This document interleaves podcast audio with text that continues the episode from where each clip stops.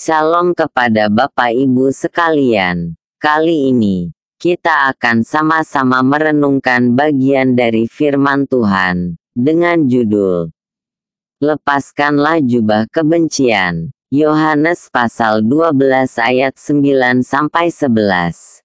Perayaan Paskah adalah momen penting dan selalu mendapat perhatian dari masyarakat Yahudi. Terlebih lagi bila dalam perayaan pada tahun itu ada figur yang sedang viral dan menjadi berita hangat karena mukjizatnya.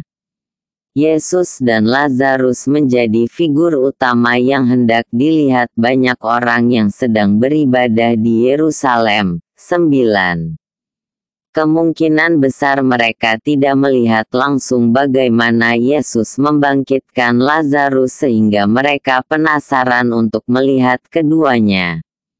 Hal ini menjadi tantangan besar bagi para imam kepala, karena bukan hanya Yesus yang menyebabkan orang Yahudi menjadi percaya, tetapi juga Lazarus yang menjadi bukti autentik akan mukjizat kebangkitan yang Yesus lakukan. 10-11 Imam-imam kepala adalah para imam dari golongan atas yang memiliki pengaruh besar dalam kehidupan agama, sosial, bahkan politik.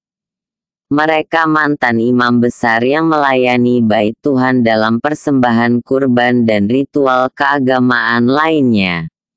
Atau, jika bukan demikian, mereka berasal dari keluarga yang memiliki peluang menjadi imam besar. Berkenaan menaati hukum Taurat dan hidup takut akan Elohim, Seharusnya para imam kepala berada di baris depan menjadi teladan bagi para umat. Namun, kita melihat justru hal yang sebaliknya lah yang terjadi. Mereka melakukan kesepakatan jahat untuk membunuh Lazarus.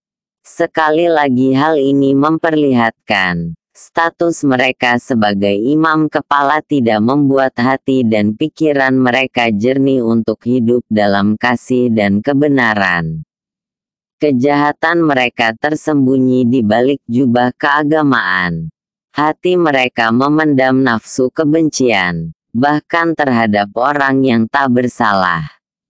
Marilah kita menjadi pengikut Kristus yang hidup dalam integritas, kesalehan, dan kasih.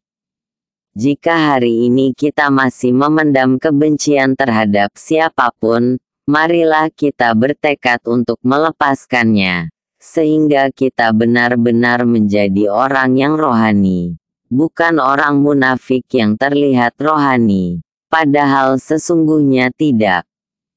Karena itu, hiduplah dalam sikap takut akan Elohim,